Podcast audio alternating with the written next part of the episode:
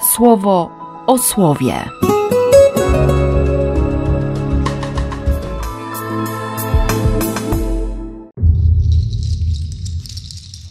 Dwudziesty szósty maja, czwartek. Paweł po prostu nie może zrozumieć tego, że, że jego bracia, ludzie, którzy mają tę samą tradycję, to samo słowo, tę samą obietnicę, to samo przymierze, nie potrafią przyjąć wiadomości o ratunku w Chrystusie. Bluźnią, przeciwstawiają się. I wtedy właśnie Paweł po prostu rezygnuje. Od tej chwili będę w Koryncie głosił dobrą wiadomość o ratunku w Chrystusie pośród tych, którzy nie są Żydami.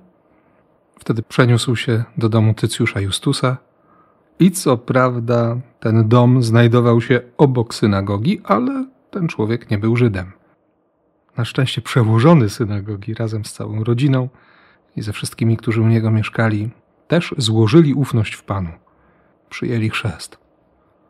Słowo nie jest bezsilne. Bóg nie jest bezsilny. I chwilę później autor dziejów napisze, że, że pewnej nocy Pan Jezus odzywa się do Pawła: Niczego się nie bój. W żadnym wypadku nie milcz. Będę z tobą. Nikt cię tu nie tknie. Żadnej krzywdy ci nie wyrządzi. I Paweł wierzy.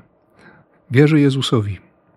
Wierzy w to, że Bóg jest wierny, że jeśli coś obiecał, to słowa dotrzyma.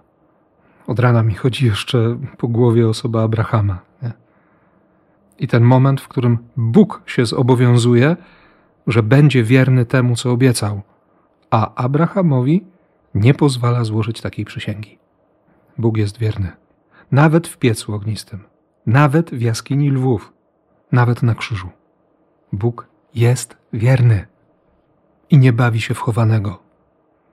Ewangelista Jan zapisze, że, że uczniów poruszyły szczególnie słowa chwila, po krótkim czasie.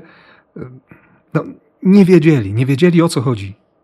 Nie wiedzieli, co Jezus ma na myśli. Nie? Mijali się z nim. Nie rozumieli go. Zresztą Jezus sam powie: nie? Zachodzicie w głowę, co znaczą moje słowa. Posłuchajcie, to, co teraz powiem, wydarzy się wkrótce. Wy będziecie płakać i lamentować, świat będzie się cieszyć. Ale wasz żal i smutek przemienią się w radość.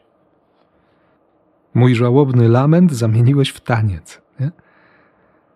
Co prawda raczej ruszam się na parkiecie jak skłoń w składzie porcelany, ale, ale potrafię sobie wyobrazić tę zmianę niezasłużoną, niewypracowaną, nieosiągniętą morderczym wysiłkiem.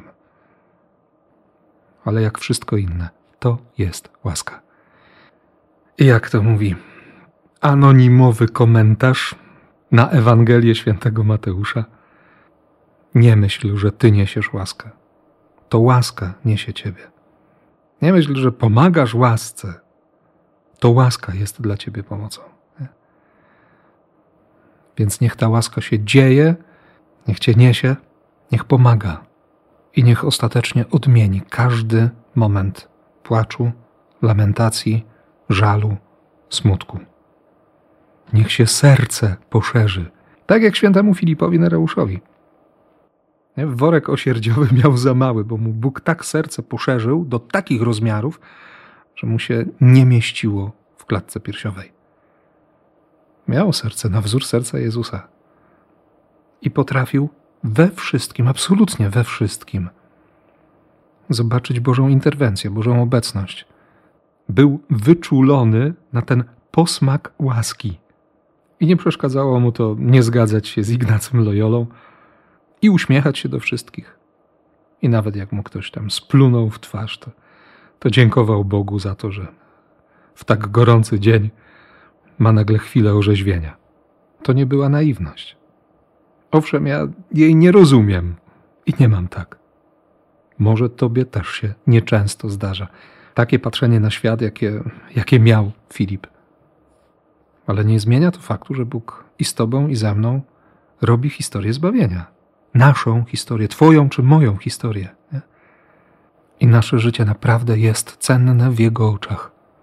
bo On sobie nieba nie wyobraża bez Ciebie czy beze mnie. Więc żebyśmy się nie mijali z wyobrażeniami, marzeniami i pragnieniami, jakie ma względem nas nasz Ojciec Niebieski. Błogosławię, jak tylko potrafię, w imię Ojca i Syna i Ducha Świętego. Amen. Słowo o słowie.